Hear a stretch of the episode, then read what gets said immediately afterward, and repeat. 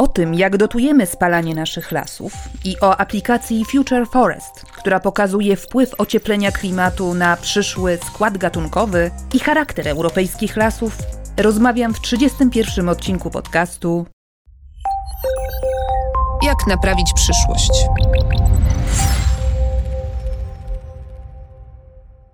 A moi dzisiejsi goście przedstawią się sami. Augustyn Nikos zajmuje się ochroną lasów i gospodarką leśną w Stowarzyszeniu Pracownia na Rzecz Wszystkich Istot. Marcin Zederski z Instytutu Dendrologii Polskiej Akademii Nauk w Kurniku zajmuje się biologią i ekologią roślin drzewiastych, głównie wpływem działalności człowieka na drzewa i krzewy oraz na roślinność. Nazywam się Barbara Sowa i zapraszam do wysłuchania tego odcinka. Mecenasem podcastu jest Accenture.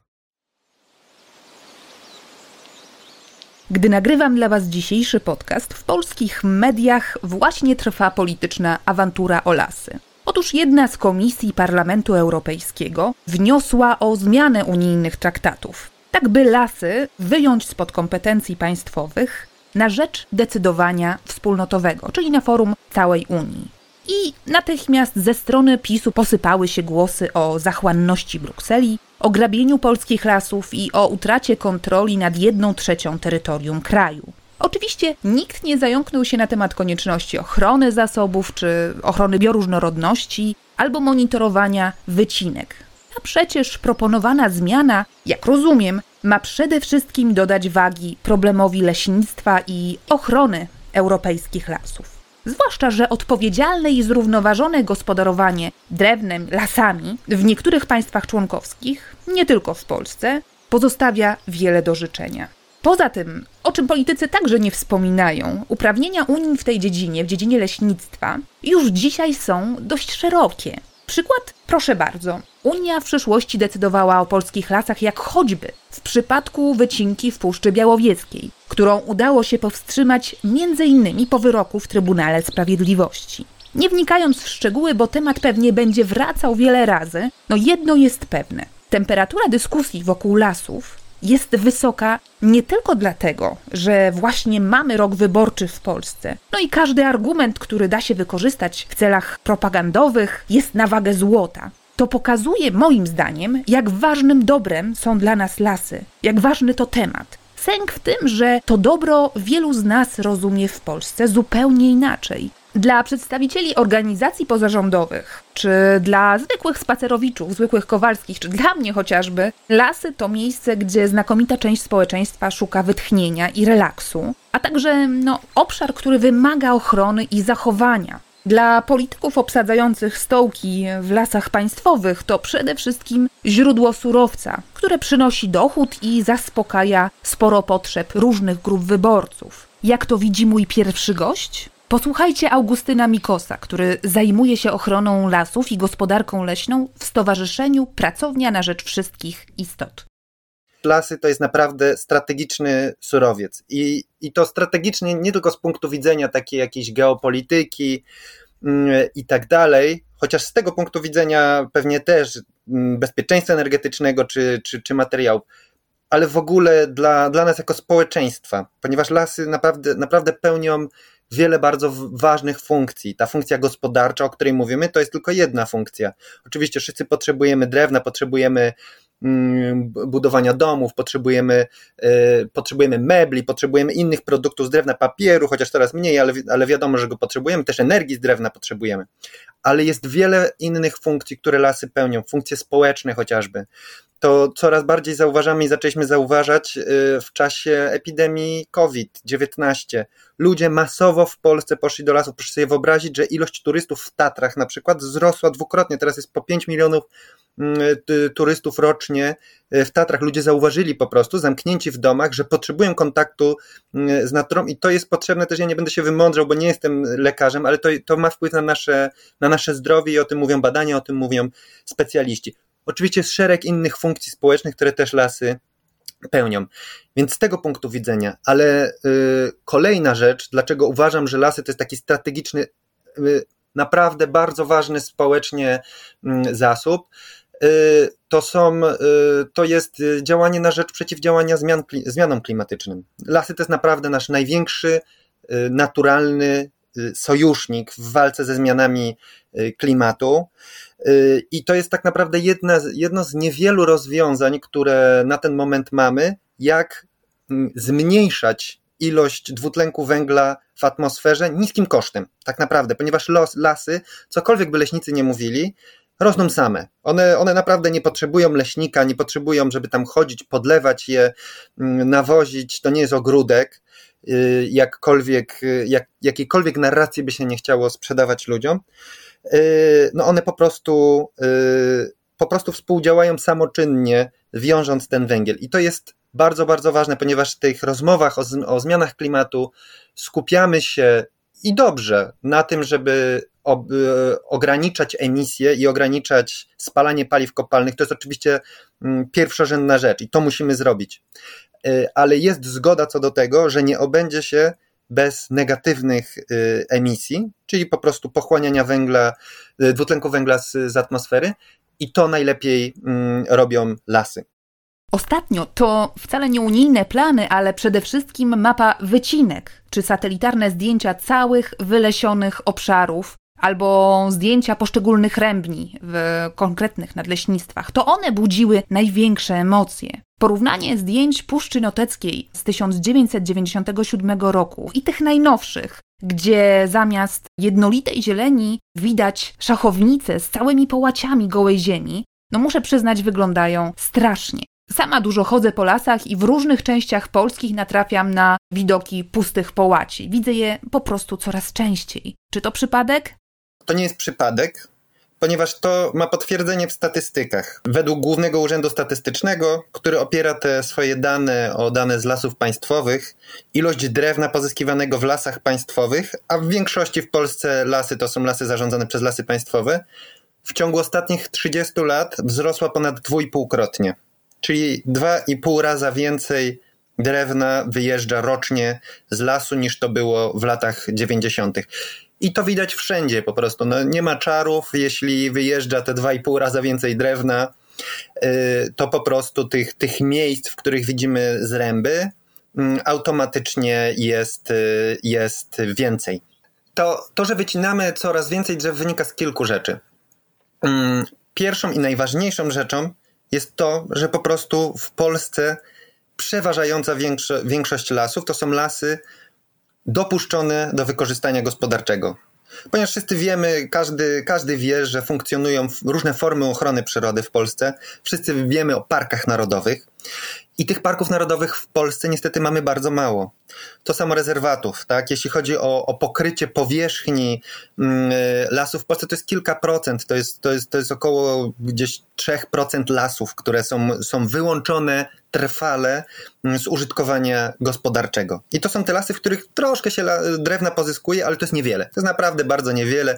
W większości też to drewno jest pozyskiwane, żeby mm, w tych parkach narodowych czy w rezerwatach, po to, żeby w jakiś sposób chronić przyrodę, bo, ponieważ to też czasami jest, jest potrzebne. Ale to, to jest tak jakby można powiedzieć margines. Czyli a na tych pozostałych ponad 90% procentach powierzchni polskich lasów po prostu pozyskuje się drewno y, i czegokolwiek by nie mówiły różne osoby, to dominuje tam funkcja gospodarcza. I to jest, to jest ten naprawdę główny, główny mm, powód tego, że coraz więcej drewna się pozyskuje w Polsce. Bo można. Bo można, dokładnie. I z drugiej strony jest też tak, i to trzeba przyznać, to będą powtarzać, bardzo często usłyszy to pani czy państwo usłyszą od lasów państwowych, że jest to mm, skutek jakiejś e, struktury wiekowej polskich lasów. Rzeczywiście jest tak, że po II wojnie światowej y, było bardzo dużo terenów, które zostały po prostu opuszczone. Wszyscy znamy polską historię, ten trudny czas, kiedy były migracje ludności, ale też y, populacja Polski się zmniejszyła diametralnie w, czasie II wojny światowej o kilka milionów osób. Po prostu było bardzo dużo terenów, które zostały wystawione odłogiem i czy na skutek działań zalesiania, czy też po prostu naturalnej sukcesji, te lasy y, tam powstały. I teraz te kilkadziesiąt lat po tym, kiedy te lasy tam, tam zaistniały, one wkraczają w taki wiek, kiedy są wystarczająco dojrzałe, że, że opłaca się w nich pozyskiwać y, coraz większej ilości drewna. No i rzeczywiście, mm, patrząc na te lasy i na inne lasy tylko z takiego punktu widzenia produkcyjnego. Jeśli widzimy ten las jako, jako taką uprawę, tak jak, jak, jak mamy jakieś pole marchewki, prawda, z którego chcemy wyciągnąć jak najwięcej marchewki, no to rzeczywiście, patrząc na to wszystko z tego punktu widzenia, to te możliwości produkcyjne lasów wzrosły i po prostu możemy wywieźć y, coraz więcej drewna y, z tego lasu, a, a te nasze zasoby drzewne się utrzymają na, te, na, tej, na tym samym poziomie. Bo to trzeba akurat przyznać, że nie, nie jest w Polsce tak, żebyśmy pozyskiwali więcej drewna niż go, niż go przyrasta. Nie? Czyli ta, powiedzmy, ta podstawowa taka zasada, punktowo to się zdarza, niestety, y, w niektórych nadleśnictwach, ale tak, tak zasadniczo nie. Ale, Czyli sadzimy tyle samo, ile ścinamy, mniej więcej. Nie, nie, no, ścinamy mniej niż, niż przyrasta. To trzeba przyznać. W innych państwach bywa gorzej. W państwach skandynawskich są takie państwa skandynawskie, gdzie się wycina więcej niż przyrasta, ale. Mm, ale to nie jest meritum pytania według mnie tak naprawdę, mhm. ponieważ żeby skutecznie przeciwdziałać Y, zmianom klimatu i kryzysowi bioróżnorodności, to nie wystarczy. Po pierwsze, ważne jest to, gdzie wycinamy te drzewa, a wszyscy pamiętamy na pewno 5 lat temu aferę o Puszczę Białowieską, gdzie kilkaset tysięcy metrów sześciennych drewna y, wyjechało z naprawdę najcenniejszego lasu nie tylko w Polsce, ale jeśli mówimy o lasach nizinnych, to tak naprawdę mówisz, że to jest naj, najcenniejszy las w Europie, najlepiej zachowany i stamtąd wyjeżdżało drewno. Wyjeżdża drewno z e, Puszczy Karpackiej, gdzie zachowały się w zasadzie najcenniejsze niechronione lasy górskie w, w Polsce. Jedne z najcenniejszych też, e, też można powiedzieć w Europie tak naprawdę. Takich miejsc jest naprawdę niewiele. Te niektóre fragmenty to są lasy, które są naprawdę tak blisko do, do lasów e, pierwotnych, jak, jak, jak lasy się zbliżają w, w, Europie, prawda? Bo już takich pierwotnych, pierwotnych lasów to niektórzy powiedzą, że nawet na świecie nie mamy, e, a już na pewno w Europie mamy niewiele. I to, to jest pewien problem. A po drugie, problem, y, musimy też sobie odpowiedzieć na, na pewne pytanie, czy my rzeczywiście chcemy traktować te wszystkie lasy, te ponad 90% lasów, jako po prostu fabryki drewna. Czy nie chcemy, żeby w części tych lasów y, nie dominowały funkcje przyrodnicze i społeczne. Więc musimy sobie jako społeczeństwo odpowiedzieć na pytanie, czy nie chcemy części tych lasów oddać przyrodzie i ludziom, żeby zachować bioróżnorodność, żeby mm, chronić klimat, żeby y, zachować y, stosunki wodne i żeby móc spędzać w nich, y, w nich czas i się relaksować. Mój rozmówca przyznaje, że w dyskusji o funkcjach lasów w przyszłości nie można zapominać także o potrzebach sektora drzewnego, który w Polsce jest całkiem spory. To jest kilkaset tysięcy miejsc pracy, więc o tym też nie możemy zapomnieć. Ja reprezentuję organizację przyrodniczą i my się skupiamy, mamy tendencję do tego i to jest normalne, że skupiamy się na tych kwestiach przyrodniczych i klimatycznych, ale nie możemy zapominać o kwestiach gospodarczych, ponieważ jeśli będziemy próbowali ochronić lasy i nie uwzględnimy setek tysięcy osób, które od nich zależą gospodarczo, no to po prostu to się nie uda. Y, widać, że po prostu to drewno, te lasy, te zasoby drzewne w ogóle jako takie są nam potrzebne do bardzo wielu rzeczy. I niestety, ale często te różne funkcje, czy spełnianie tych funkcji jest ze sobą sprzeczne po prostu, jeśli będziemy wycinać więcej drzew, ponieważ chcemy z nich zrobić y, domy albo płyty, no to nie będzie tych drzew w lesie. One automatycznie nie będą, yy, tak mówiąc kolokwialnie, domem dla różnych roślin i innych organizmów, czyli nie będą pełnić tej funkcji zachowania różnorodności biologicznej i nie będą też y, pełnić tej funkcji mm, ograniczenia zmian klimatu. Więc to jest ekstremalnie ważny orzech do zgryzienia, jak to zrobić, żeby z jednej strony właśnie móc budować domy, móc budować, móc robić meble, nie stracić tych miejsc pracy, a z drugiej strony yy, zapewnić trwałość tych lasów i nie doprowadzić do tego, że po prostu tak presja gospodarcza na nie będzie zbyt duża. A presja gospodarcza jest duża z kilku powodów. Przede wszystkim dlatego, że drewno to cenny, a w ostatnich latach coraz cenniejszy surowiec. Jego sprzedaż po prostu zapewnia zyski i to całkiem niemałe. Lasy państwowe, które zarządzają prawie 80% lasów w naszym kraju, w 2021 roku miały ponad 700 milionów zysku. I jak pisze Forbes, byłby miliard, gdyby nie sowite nagrody i premie dla leśników pod koniec roku. A gdzie trafia drewno z polskich lasów? Co się z nim dzieje?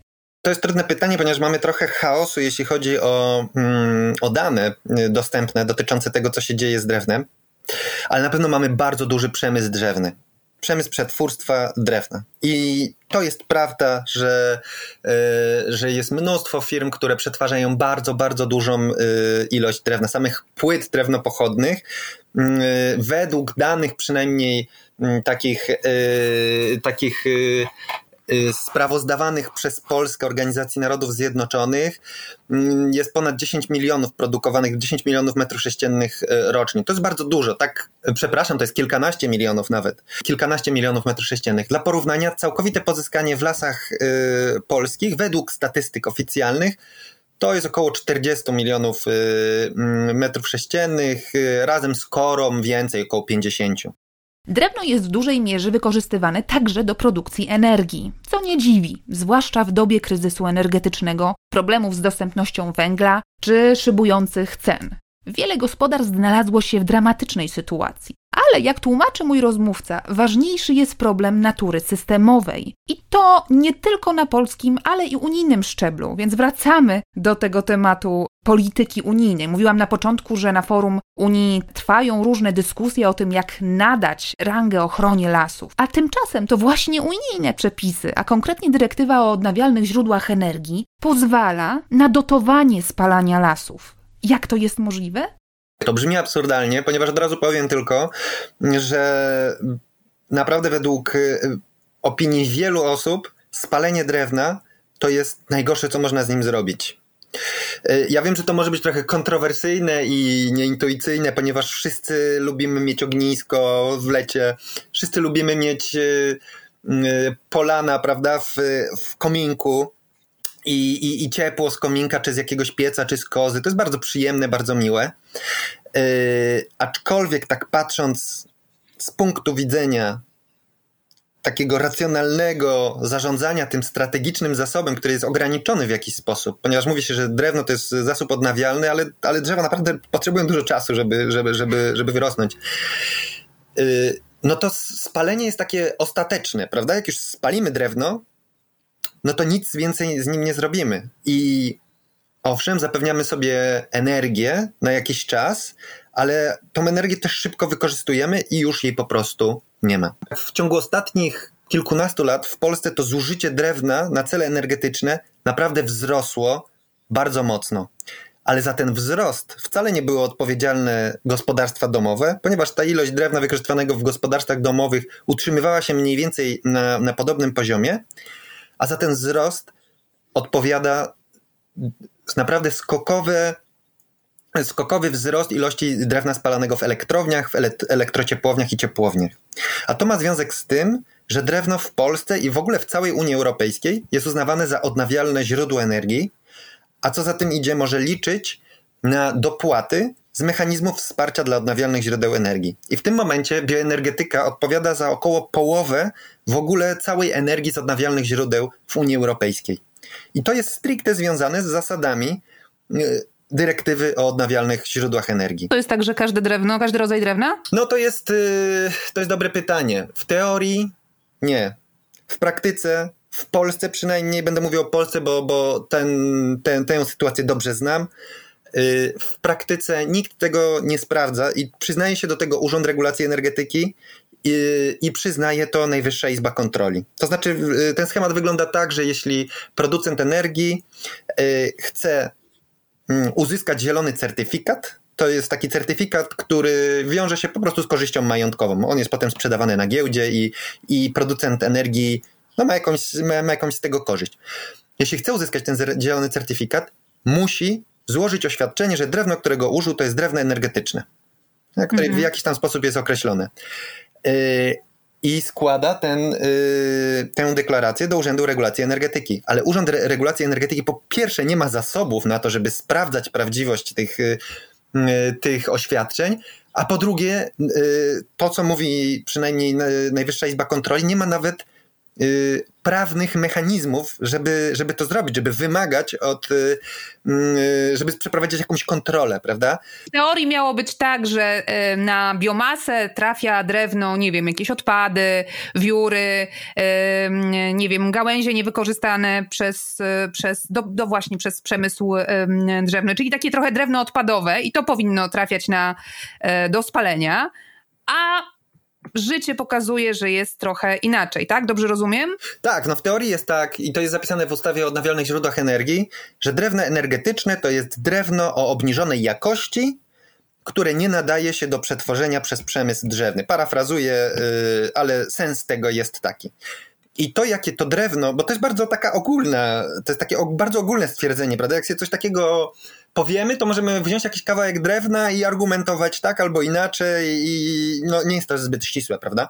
Dlatego w tej ustawie jest zapisane, że to, jakie to drewno jest, ma zostać określone w rozporządzeniu. Miały zostać określone parametry jakościowo-wymiarowe, to już jest wtedy bardzo, bardzo konkretne. No, można mówić no, no, o jakichś parametrach tak i, i może nie będę wchodził w szczegóły. W każdym razie to rozporządzenie nigdy nie zostało wprowadzone w życie i w tym momencie tak naprawdę nie do końca wiadomo, co można uznać za drewno energetyczne, co nie. A jak jest w praktyce? Można zapłacić za biomasę na cele energetyczne więcej, ponieważ po prostu jest na to dotacja. Są po prostu pieniądze. I rzeczywiście słyszymy o tym, że ceny tego drewna, które w teorii jest drewnem, znaczy nie w teorii, po prostu w praktyce jest drewnem niskiej jakości, które jest klasyfikowane przez lasy państwowe jako energetyczne, osiągają wyższe ceny niż ceny drewna tartacznego, co może skłaniać ludzi do tego, żeby rozejrzeć się za, za innymi rodzajami drewna, a skoro ten system jest na tyle niewydolny, że nikt tak naprawdę nie sprawdza tych, y, y, tych oświadczeń, no to mm, istnieje bardzo duże ryzyko, że, y, że są spalane inne rodzaje, mm, inne rodzaje drewna. Polecam zapoznanie się z,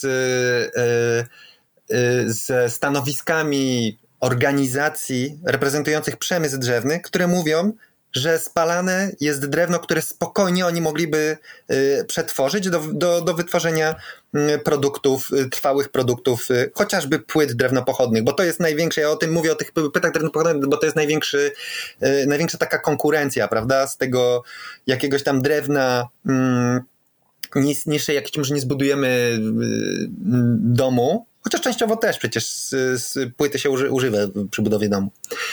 Co więcej, Przemysł Drzewny, ja wczoraj uczestniczyłem w takim panelu w Warszawie na ten temat.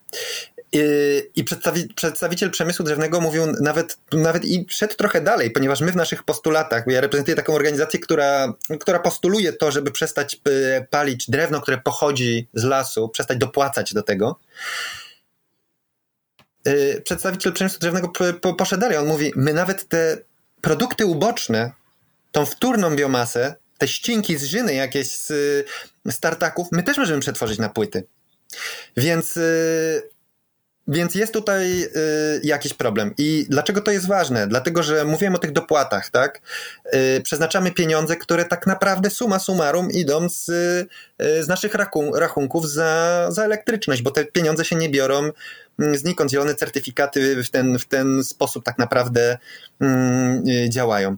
W mojej ocenie przede wszystkim powinniśmy y, przeznaczyć te pieniądze na to, żeby lepiej docieplić domy. Mamy w, dom, w Polsce, o ile się nie mylę, około miliona, dwóch milionów y, naprawdę słabo ocieplonych domów, ludzi, którzy żyją w sytuacji ubóstwa energetycznego i to są bardzo często właśnie ci ludzie, którzy y, muszą spalać drewno w, w i, duż, i spalać duże ilości tego drewna, ponieważ ono jest tanie, ponieważ jest w jakiś tam sposób yy, dostępny. Yy, gdyby ich domy były ocieplone, mogliby spalać tego drewna zdecydowanie mniej.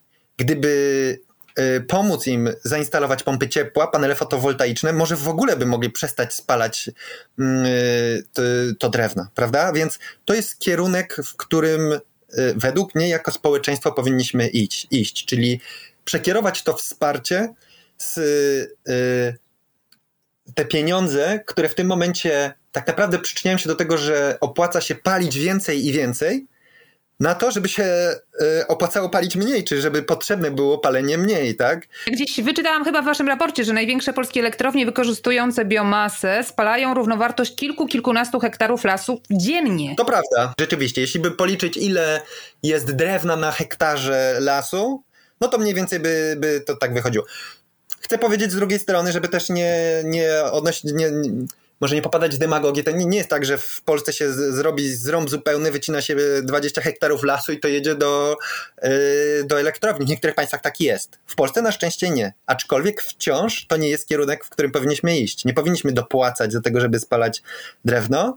Yy, powinniśmy dopłacać do tego, żeby spalać go mniej, żeby trzeba było go spalać mniej, a wciąż żebyśmy mieli taki sam komfort życia. Ja może tylko jeszcze powiem, dlaczego to jest ważne według mnie, ponieważ yy, mówi się o tym bardzo dużo, że potrzebujemy naprawdę bardzo pilnie yy, ruchów, zdecydowanych ruchów na rzecz wyłączenia dużych obszarów yy, z użytkowania gospodarczego i po prostu oddania ich y, naturze to jest kluczowe punktu widzenia mm, walki z kryzysem klimatyczno-ekologicznym. To mają być takie obszary stabilizacji klimatu i ochrony bioróżnorodności. Mówi się o tym, że chronione powinno być 30% ziemi, a 10% powinno być chronione ściśle. To oznacza, że, że praktycznie nie powinno być tam żadnej, nie powinno się tam prowadzić surowcowej gospodarki. Na pewno, na pewno. Co z tego wynika? Wynika to, z, z tego to, że możemy mm, że, że z tych terenów nie będziemy pozyskiwać drewna, tak? Więc okej, okay, mówimy o tym, że rosną możliwości produkcyjne polskich lasów, więc w tych innych lasach pewnie będzie można pozyskiwać troszeczkę więcej drewna, yy, ale to nie wystarczy, żeby zrekompensować w 100% to ograniczenie ilości drewna, które, które będzie pozyskiwane na tych obszarach, które obejmiemy skuteczną ochroną, prawda? Więc potrzebujemy rozwiązań, które pozwolą nam Y, w oszczędniejszy sposób y, zarządzać tym, co mamy.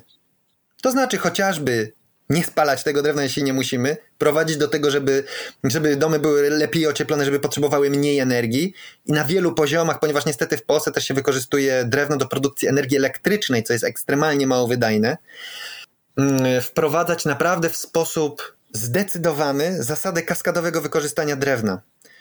Y, Co to znaczy? Co to znaczy? To znaczy, żeby wykorzystywać drewno zawsze z, y, zgodnie z jej y, najwyższym, z najwyższą wartością środowiskową i gospodarczą, czyli najpierw produkcja materiałowa i dopiero w ostatnim, y, w ostatniej kolejności spalanie, ale też, żeby wprowadzać to drewno do obiegu z powrotem w jak największym stopniu. Tak? Mówi się w ogóle w gospodarowaniu odpadami i w gospodarce obiegu zamkniętego e, o tych trzech R, tak? Recycle, reuse. Reduce. Uh... Najpierw reduce. Reduce, recycle, recycle, reuse, tak? I naprawdę przy drewnie to się też bardzo sp sprawdza. Powinniśmy reduce, ograniczyć, czyli ocieplić domy i mniej spalać tego drewna. Ale reduce to znaczy też wydłużać y, okres, w którym wykorzystujemy drewno, tak? Mówi się o fast fashion, ale IKEA to jest fast furniture, tak? Y, to, to są meble, które po prostu mamy przez, przez, dwie, przez dwa lata czy trzy i musimy je wykorzystać jeszcze raz, więc powinniśmy od tego odchodzić, tak? Powinniśmy produkować yy, produkty, które będą, będziemy wykorzystywać przez, przez lata. Potem recycle. Dlaczego w Polsce odzyskujemy dwa razy mniej drewna niż w Czechach, a 20 razy mniej niż w, w Niemczech? Na koniec zapytałam mojego rozmówcę, co możemy robić we własnym zakresie, aby jak najlepiej chronić lasy. Te nasze, sąsiedzkie, lokalne, które odwiedzamy regularnie.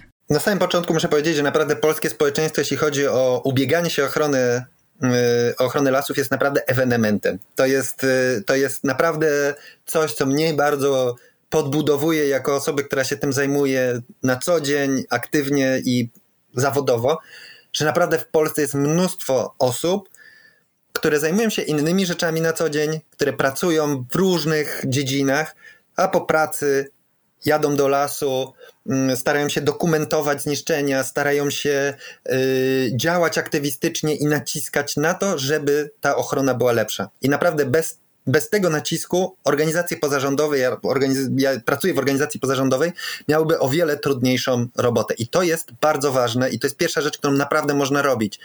Mm, każdy kawałek lasu jest ważny. Jeśli on jest ważny dla yy, dla danej osoby, to jest po prostu ważny społecznie, tak? I pełni ważną funkcję yy, społeczną. Więc to jest yy, rzecz, którą według mnie najbardziej warto robić, czyli angażować się w ochronę tego swojego kawałka lasu, który najlepiej znamy, który wiemy dlaczego jest cenny i też może mamy lepsze karty w jego ochronie, ponieważ znamy lokalne uwarunkowania, wiemy do kogo się zwrócić, wiemy, znamy ludzi z, z, z okolicy, możemy ich skrzyknąć, możemy, e, możemy zadziałać. Oprócz dokumentowania e, strat albo takiej właśnie e, działalności naszym zdaniem szkodliwej, to co można jeszcze robić? Ja myślę, że tak, dokumentowanie, nagłaśnianie, zwracanie się do instytucji, które zarządzają tym lasem. W większości przypadków będą to lasy państwowe, ponieważ w Polsce większość lasów jest zarządzana przez, przez lasy państwowe. Mm, to są, to są najważniejsze rzeczy y, kontakt też z osobami, które mogą pomóc merytorycznie i próba, próba jakiegoś działania często Yy, takiego bardziej formalnego też pomaga, tak? Bo często się okazuje, że potem taki las na przykład ma jakąś, jakieś wartości przyrodnicze, które na przykład, które, którego, które oznaczają, że powinien być chroniony. I według mnie to, co jest naprawdę bardzo ważne, jeśli chcemy takiej większej zmiany systemowej, a nie bicia się o każdy kawałek y, lasu z osobna, to musimy jako społeczeństwo, jako te zaangażowane osoby, którym na tym zależy, bardzo głośno cały czas mówić, że chcemy zmiany jakościowej i, i, i po prostu zu, zu, zupełnej zmiany w tym, w jaki sposób zarządzamy mm, lasami. Mamy w Polsce y, wybory w tym roku. Myślę, że powinniśmy się odzywać do, mm, do polityków wszystkich y, ugrupowań, wszystkich partii politycznych. Będą teraz spotkania wyborcze, jeżdżą y, ludzie od prawa do lewa, od opozycji po, po koalicję rządzącą po całej Polsce.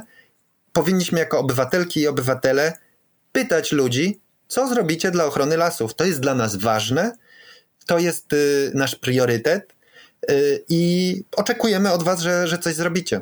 I myślę, że taka presja społeczna naprawdę ma duży sens i to, co się udało już w Polsce osiągnąć, jeśli chodzi o, o ochronę lasów, to pokazuje, gdyby, gdyby nie mobilizacja społeczna, nigdy nie udałoby się ochronić Puszczy Białowieskiej. Naprawdę to, to, to były wyniki y, jakichś wyroków sądowych, y, ale, ale to, że ta sprawa się stała tak medialna i tyle osób się tym zainteresowało i tyle osób się zaangażowało, no było naprawdę kluczowe.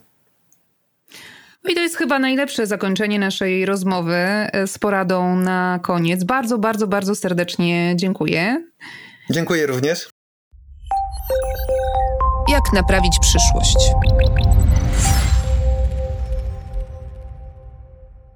Z moim drugim gościem porozmawiam o tym, jak zmienią się polskie lasy w przyszłości. Marcin Dyderski jest dendrologiem z Polskiej Akademii Nauk w Kurniku. Opracował model wykorzystany do stworzenia aplikacji Future Forest. Link oczywiście do tej aplikacji znajdziecie w opisie podcastu. Polecam, zerknijcie, bo wygląda na to, że w ciągu najbliższych 30-50 lat polskie i nie tylko polskie lasy, bo aplikacja pokazuje zmiany w całej Europie, kompletnie zmienią swoje oblicze. Dla przykładu sosna czy brzoza, tak powszechne w naszym leśnym krajobrazie, będą ustępować innym gatunkom. Rozmowę z Marcinem Dyderskim zaczęłam od pytania, co też jego zdaniem jest dzisiaj największym zagrożeniem dla lasów. Susza i ocieplenie klimatu, czy też mali zabójcy jak korniki, grzyby albo jemioła, a może człowiek. To wszystko jest ze sobą powiązane. Mamy do czynienia z dwoma głównymi czynnikami: wyższą temperaturą oraz przesunięciem i zmianą rozkładu opadów atmosferycznych. Patrząc na modele e, przewidywanych zmian klimatycznych, nie jest to tak, że będzie ogólnie mniej opadów, tylko ich rozkład w ciągu roku się przesunie. Znaczy, mniej będzie padać w czasie, kiedy drzewa wegetują, e, kiedy drzewa rosną, więcej opadów będzie przesunięte na e, czas poza okresem wegetacyjnym czyli wtedy, kiedy drzewa aż tak z tej wody nie korzystają. To jest y, jeden z elementów. Drugi z elementów jest taki, że y, dzięki wyższej temperaturze zimą będziemy mieli mniej śniegu, a więcej deszczu. Śnieg, topniejąc powoli, e, dłużej tą wodę dostarcza wiosną, kiedy ona jest niezbędna do rozpoczęcia wegetacji. W związku z tym woda spływająca bardzo szybko w postaci deszczu jest mniej dostępna. Również latem opady mają charakter bardziej intensywny. Wyschnięta ziemia nie jest w stanie tego bardzo e, szybko wchłonąć, w związku z czym nie cała woda, która dociera do powierzchni gleby jest e, wykorzystywana przez rośliny. Duża część z niej bardzo szybko spływa. Oprócz tego wyższa temperatura powoduje, że e, fotosynteza może zachodzić intensywniej, czyli potrzebne jest więcej wody. Jeżeli chodzi o e, grzyby, owady czy o roślinę, którą jest jemioła, to nie są to gatunki, które pojawiły się nagle. One cały czas były, występowały w ekosystemie E, od momentu, e, gdy e, drzewa po epoce lodowcowej skolonizowały ponownie obszar Polski, czy szerzej Europy Środkowej i Północnej. Ale nie Jednak... jest tak, że teraz jest ich więcej, bo ja mam wrażenie, że im więcej spaceruję po, po, po lasach, tym coraz częściej zauważam niepokojące takie obrazy. No, chociażby właśnie drzewa zaatakowane przez jemiołę dość powszechnie. Tak, teraz jest ich więcej, ponieważ drzewa są bardziej osłabione, a z kolei te gatunki korzystają na e, zmianach klimatycznych, ponieważ owady, które dzięki wyższy, są bardziej aktywne w wyższej temperaturze, dzięki temu, że e, jest cieplej, mogą nie tylko intensywniej się rozmnażać, ale także mieć e, dłuższy okres żerowania. Mogą dzięki temu w ciągu roku mieć więcej pokoleń. Czyli taki kornik może, może zamiast 3 e, rozmnażać się 4-5 razy, tak? W ciepłym roku. Na przykład. E, również jemiole e, sprzyja wyższa temperatura i w związku z tym te gatunki korzystają dwa, dwa razy. Korzystają na tym, że jest im lepiej, a drzewa są bardziej podatne na ich atak. Gdybyśmy mieli tutaj uszeregować, które z tych organizmów jest e, najbardziej, najbardziej zagraża polskim drzewom? Chyba nie e, szeregowałbym tego w postaci rankingu, bo dla każdego z gatunków e, jest inny zestaw organizmów, które korzystają z tego drzewa. Jedne owady są bardziej wyspecjalizowane, inne mniej. Grzyby też atakują różne gatunki, czasami są to gatunki właśnie silnie wyspecjalizowane, związane z jednym gatunkiem drzewa. Czasami są to gatunki e, jak na przykład chuba korzeni czy opięka, które mogą występować na większej liczbie e, gatunków drzew. Także tutaj każdy z gatunków drzew e, ma zestaw swoich organizmów zależnych. I tutaj w przypadku sosny zwyczajnej, która jest podstawowym gatunkiem nosotwórczym i najbardziej jest rozpowszechniona w Polsce, właśnie wymieniłbym e, jemiołę i wymieniłbym kornika ostrozębnego. W przypadku świerka wymieniłbym kornika drukarza, wymieniłbym też e, opiękę. W zasadzie kompleks opiękowy. Mm-hmm, mm-hmm. Czyli to wszystko zależy od gatunku. No dobrze, to wróćmy teraz do tych e, zmian klimatycznych. Pana badania dotyczące przyszłości lasu, tego jak zmieni się Polsce i w Europie na przestrzeni najbliższych 50 lat stały się podstawą do stworzenia aplikacji Future Forest. Bardzo, bardzo ciekawej, ale też bardzo alarmującej, bo jak się przejdzie w tej aplikacji e, przez różne scenariusze, nie tylko te najbardziej negatywne, ale też te takie pozytywne, no to wnioski są dość smutne, bo nagle okazuje się że na przykład, że z polskiego krajobrazu może zniknąć brzoza.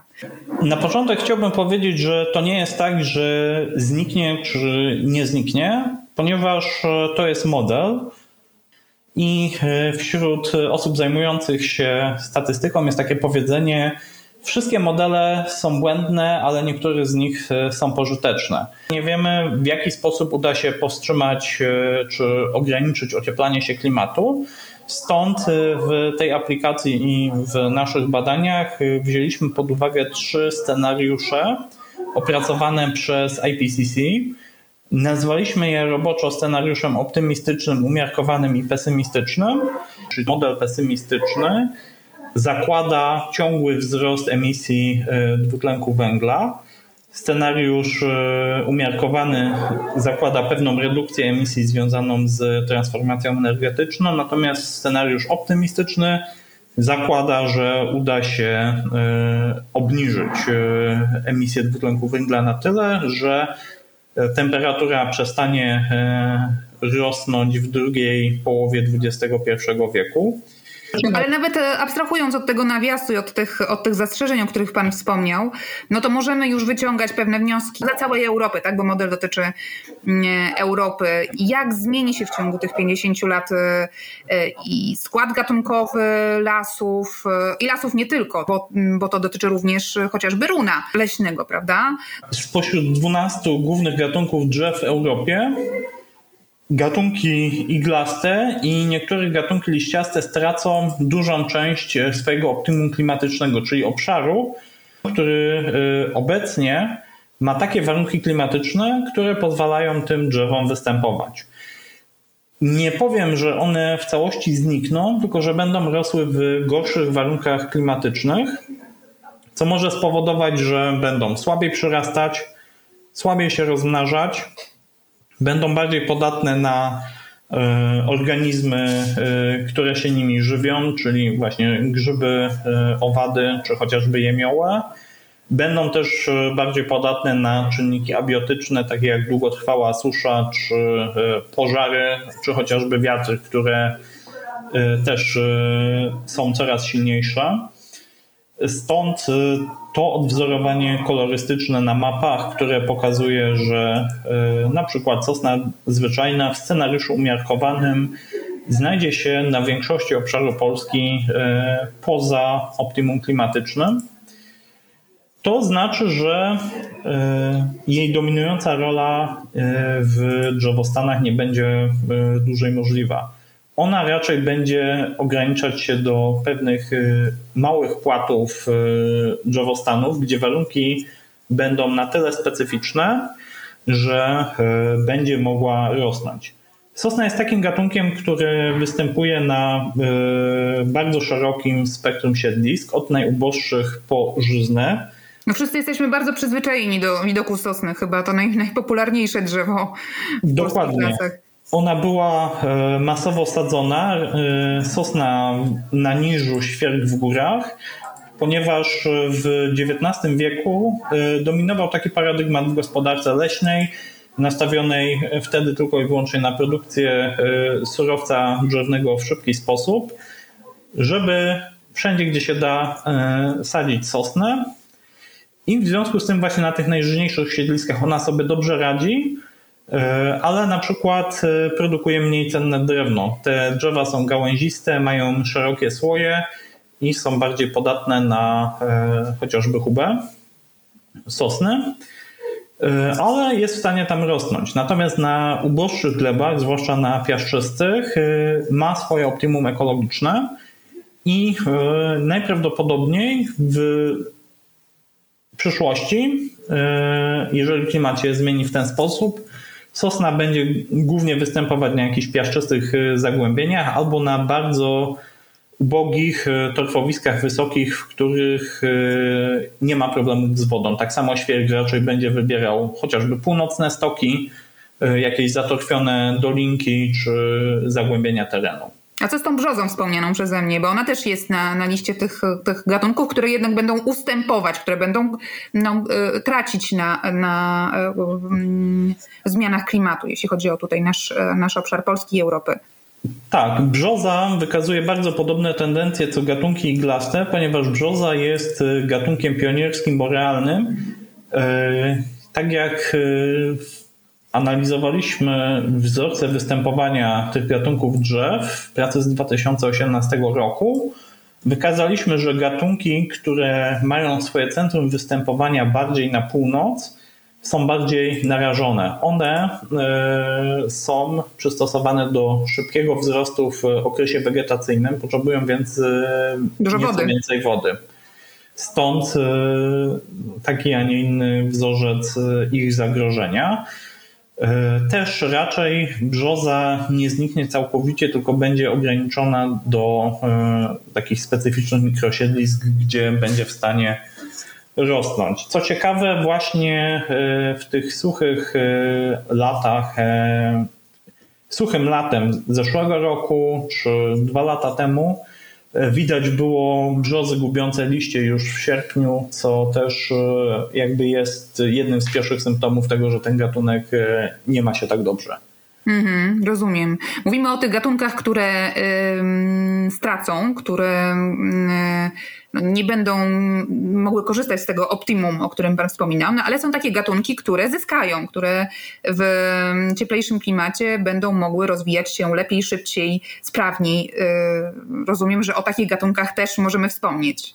Tak, tutaj e, widzimy tendencję e, tego typu w przypadku gatunków liściastych późno sukcesyjnych co to znaczy? Czyli e, gatunków typowych dla e, już rozwiniętych ekosystemów leśnych, ponieważ e, gatunki iglaste głównie są pierwszym stadium sukcesji, czyli takiego zmieniania się ekosystemów. Jeżeli wyobrazimy sobie, że na przykład spalimy do szczętu hektar lasu, zaoramy, zostawimy, to najpierw pojawi się roślinność zielna, Potem e, pomału będą pojawiać się jakieś e, rośliny wieloletnie.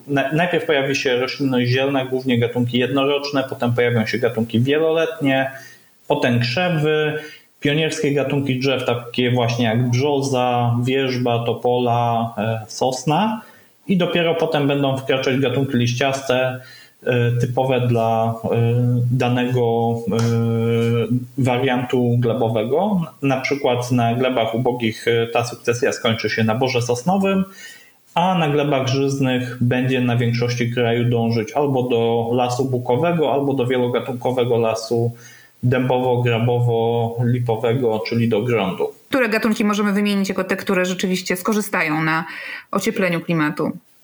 Patrząc w skali Europy e, środkowej i północnej, będą to dwa gatunki dębów, dąb szypułkowy i dąb bezszypułkowy.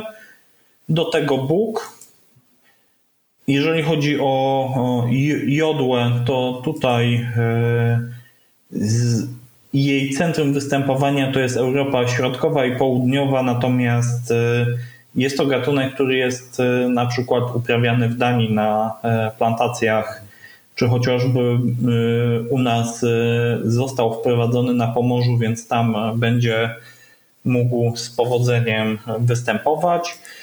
Jeżeli chodzi o jesiona, to dla niego prognozy y, związane stricte z czynnikami klimatycznymi są najbardziej optymistyczne, natomiast trzeba pamiętać, że jest to gatunek związany z dolinami rzecznymi i wymagający bardzo żyznych gleb a na dodatek e, od kilkunastu lat jesion w Europie jest atakowany przez e, grzyb powodujący zamieranie jesionu i e, są bardzo duże straty w zasobach tego gatunku właśnie spowodowane występowaniem tego grzyba, który nie jest gatunkiem rodzimym, nie współwystępował z jesionem wyniosłym przez dziesiątki tysięcy lat e, wspólnej ewolucji, lecz został sprowadzony do Europy najprawdopodobniej z innymi gatunkami jesionów w szkółkach drzew ozdobnych i dlatego rozprzestrzenia się bardzo mocno. O gatunkach inwazyjnych miałam cały odcinek i pewnie ci, którzy słuchali tego odcinka, mają świadomość pewnych konsekwencji, które,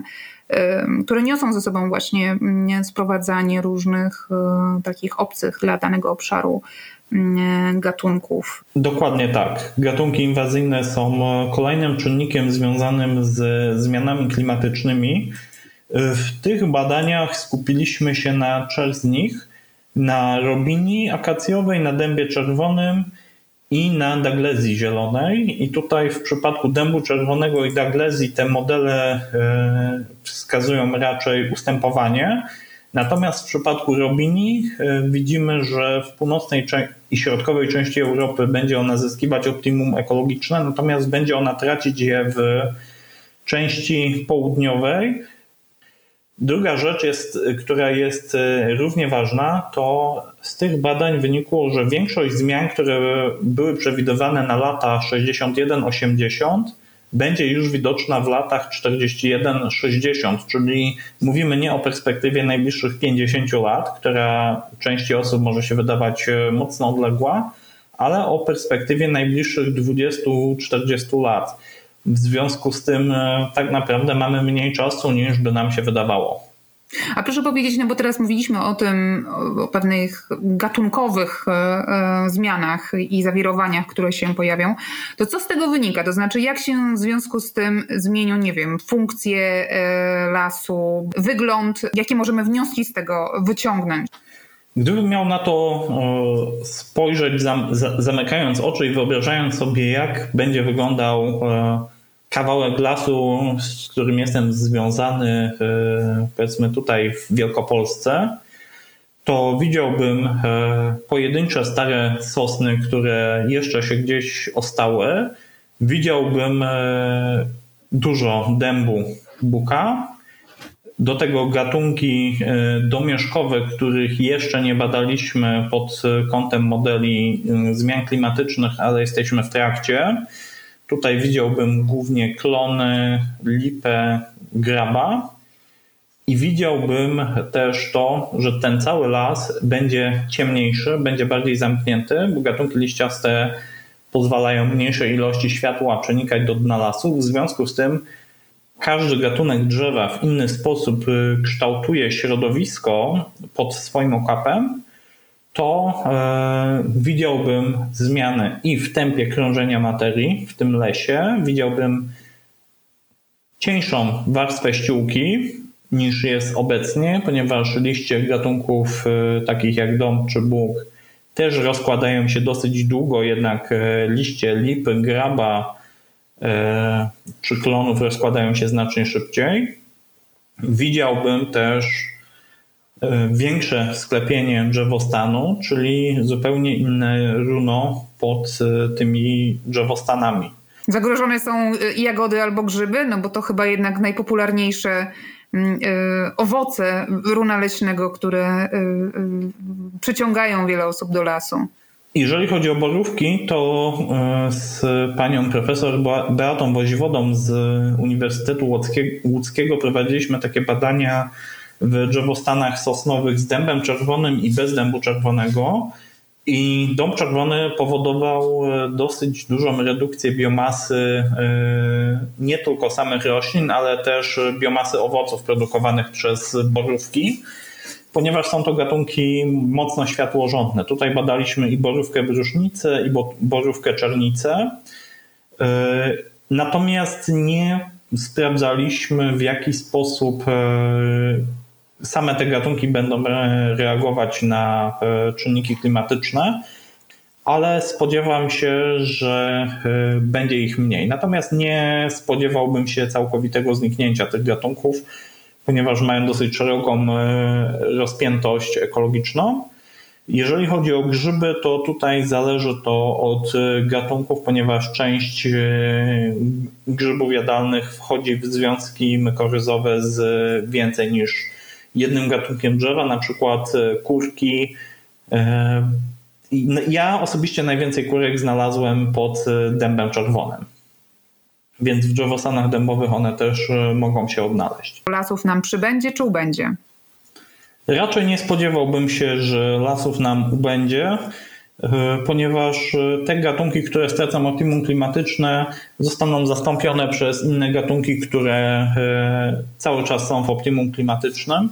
Mamy, mimo że Europa ma stosunkowo ubogą dendroflorę, to jednak mamy w Polsce sporo tych gatunków drzew, które mogą współtworzyć las i myślę, że to nie będzie tak, że lasy będą zanikać. To jeśli my na przykład, to nie wiem, chcemy y, posadzić lasy na przykład, albo, albo czy wybierając gatunki do posadzenia właśnie powinniśmy stawiać na te gatunki, które są lepiej przygotowane do y, ciepłego klimatu? Tutaj to nie jest y, aż tak proste, ponieważ y, pierwszą rzeczą, którą należy robić, którą lasy państwowe już od jakiegoś czasu robią, jest rozdzielenie ryzyka związanego z danym gatunkiem drzewa na, w, w drzewostanie na wiele gatunków. Czyli powiedzmy, jeżeli sadzimy e, drzewostan na siedlisku, na przykład boru mieszanego świeżego, to sadzimy e, nie tylko sosnę i małą domieszkę dębu, tylko e, sosnę, dąb i bóg. W tym momencie, jeżeli jeden z gatunków będzie w danym miejscu zagrożony, to e, drugi lub trzeci ma szansę nadal utrzymać tą pokrywę leśną. To się już dzieje. Można też myśleć o tym, planując przyszłe składy gatunkowe drzewostanów. Tu w aplikacji Future Forest dodaliśmy specjalnie warstwę z zasięgiem nadleśnic w Polsce, która pozwala na łatwiejsze planowanie działań gospodarczych. Pana zdaniem powinniśmy zwiększać obszary objęte ochroną, taką ścisłą ochroną, taką, gdzie człowiek nie ingeruje zupełnie w Polsce. Już nie mówię tylko o Puszczy Białowieskiej, tylko o wielu, wielu innych terenach, bo takie są, takie często słyszy się argumenty e, osób zaangażowanych, e, e, organizacji pozarządowych zaangażowanych w ochronę lasów. Potrzebujemy więcej obszarów chronionych, natomiast czy to powinna być ochrona w 100% ścisła, nie potrafię powiedzieć, ponieważ tutaj nasuwa nam się na obraz całości właśnie niepewność związana ze zmianami klimatycznymi i e, pytanie o możliwość zachowania poszczególnych e, gatunków czy typów ekosystemów. Jakiś czas temu e, czytałem książkę Projekt Tatry, który, która bazuje na rozmowie z dyrektorem Taczańskiego Parku Narodowego. W tej książce było napisane, że w Stanach Zjednoczonych prowadzone są próby opracowania priorytetowych list y, gatunków czy siedlisk do ochrony y, na zasadzie takiej, że wszystkiego przy tak drastycznie idących zmianach klimatycznych nie da się ochronić. Z drugiej strony nadal jednak musimy patrzeć na dany obszar chroniony, który jest szczególnie cenny jako na całość, ponieważ z perspektywy ochrony niektórych gatunków, które są nam szczególnie bliskie, takich gatunków charyzmatycznych, jak na przykład niedźwiedź, wilk e, czy żubr, obszar, na którym dany gatunek występuje, jest znacznie większy niż obszary, które obejmujemy ochroną, ponieważ tych obszarów nie zostało nam tak dużo i tutaj potrzebne są rozwiązania systemowe, które na przykład będą zapewniać łączność pomiędzy tymi najcenniejszymi przyrodniczo obszarami, które pozwolą tym gatunkom e, występować, ponieważ e, pojemność ekologiczna na przykład Tatrzańskiego Parku Narodowego jest e, ograniczona. A żeby dany gatunek mógł się utrzymać, musi być w nim przepływ genów. To nie wystarczą pojedyncze osobniki. W związku z tym jeżeli byśmy mieli rozwijać sieć obszarów objętych ochroną, nie, nie tylko ścisłą, ale e, różną, na przykład e, za pomocą Natury 2000, która dopuszcza prowadzenie gospodarki leśnej, to powinniśmy skupić się właśnie na zapewnieniu łączności, e, czyli korytarzy ekologicznych łączących te wszystkie najcenniejsze przyrodniczo tereny. Rozumiem. Tutaj jest system różnych zależności, które trzeba wziąć pod uwagę. Pewnie moglibyśmy rozmawiać jeszcze bardzo, bardzo długo na ten temat i rozwijać różne wątki. Bardzo, bardzo, bardzo serdecznie dziękuję za rozmowę. Ja również bardzo dziękuję za zaproszenie i dziękuję za e, rozmowę. Jak naprawić przyszłość?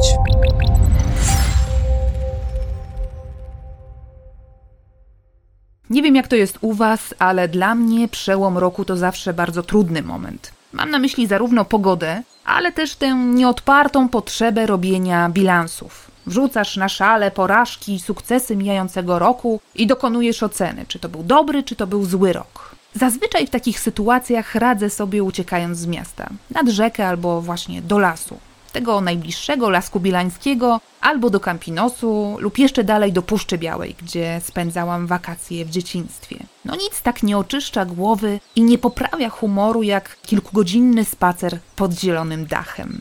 Co prawda, w zimie zdejmowanie butów, co zalecają propagatorzy leśnych kąpieli, no może nie być najlepszym pomysłem, ale co się człowiek napatrzy, nawdycha, to jego, nawet w butach. Leśne kąpiele, czyli japońskie Shinrin-yoku, ponoć robią u nas furorę. Chodzi przede wszystkim o to, żeby podczas spaceru zanurzyć się w leśnej atmosferze, używając przy tym wszystkich pięciu zmysłów. Spróbujcie, naprawdę warto. W opisie odcinka znajdziecie też linki do kilku tekstów z pisma właśnie na temat lasów, w tym do reportażu Oli Wareckiej o Puszczy Białowieskiej, czy też tekstu znanego Wam z mojego podcastu Daniela Petryczkiewicza. Tekst jest zatytułowany Rewolucja wydarzy się w lasach podmiejskich. Przeczytajcie koniecznie, bo naprawdę warto. A jeśli nie macie dostępu do pisma ani prenumeraty, to przypominam, że słuchacze Jak Naprawić Przyszłość mają swój specjalny kod ze zniżką na dostęp online. Wystarczy wejść na stronę magazynpismo.pl prenumerata i wpisać na dole strony kod JNP od nazwy mojego podcastu. Przez pierwsze 5 miesięcy zyskujecie dostęp do całego archiwum za połowę ceny. Subskrypcja odnawia się co miesiąc i można z niej zrezygnować w dowolnym momencie. Bardzo Wam dziękuję za wysłuchanie tego odcinka. Będę wdzięczna, jeśli dodacie podcast Jak Naprawić Przyszłość do ulubionych w swojej aplikacji podcastowej, więc będziecie wtedy dostawać powiadomienia za każdym razem, kiedy pojawi się coś nowego. A ja już teraz mogę Wam powiedzieć, że słyszymy się w lutym, za miesiąc. Trzymajcie się ciepło.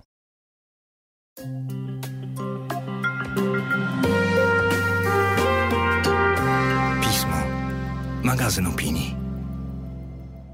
Mecenasem podcastu jest Accenture.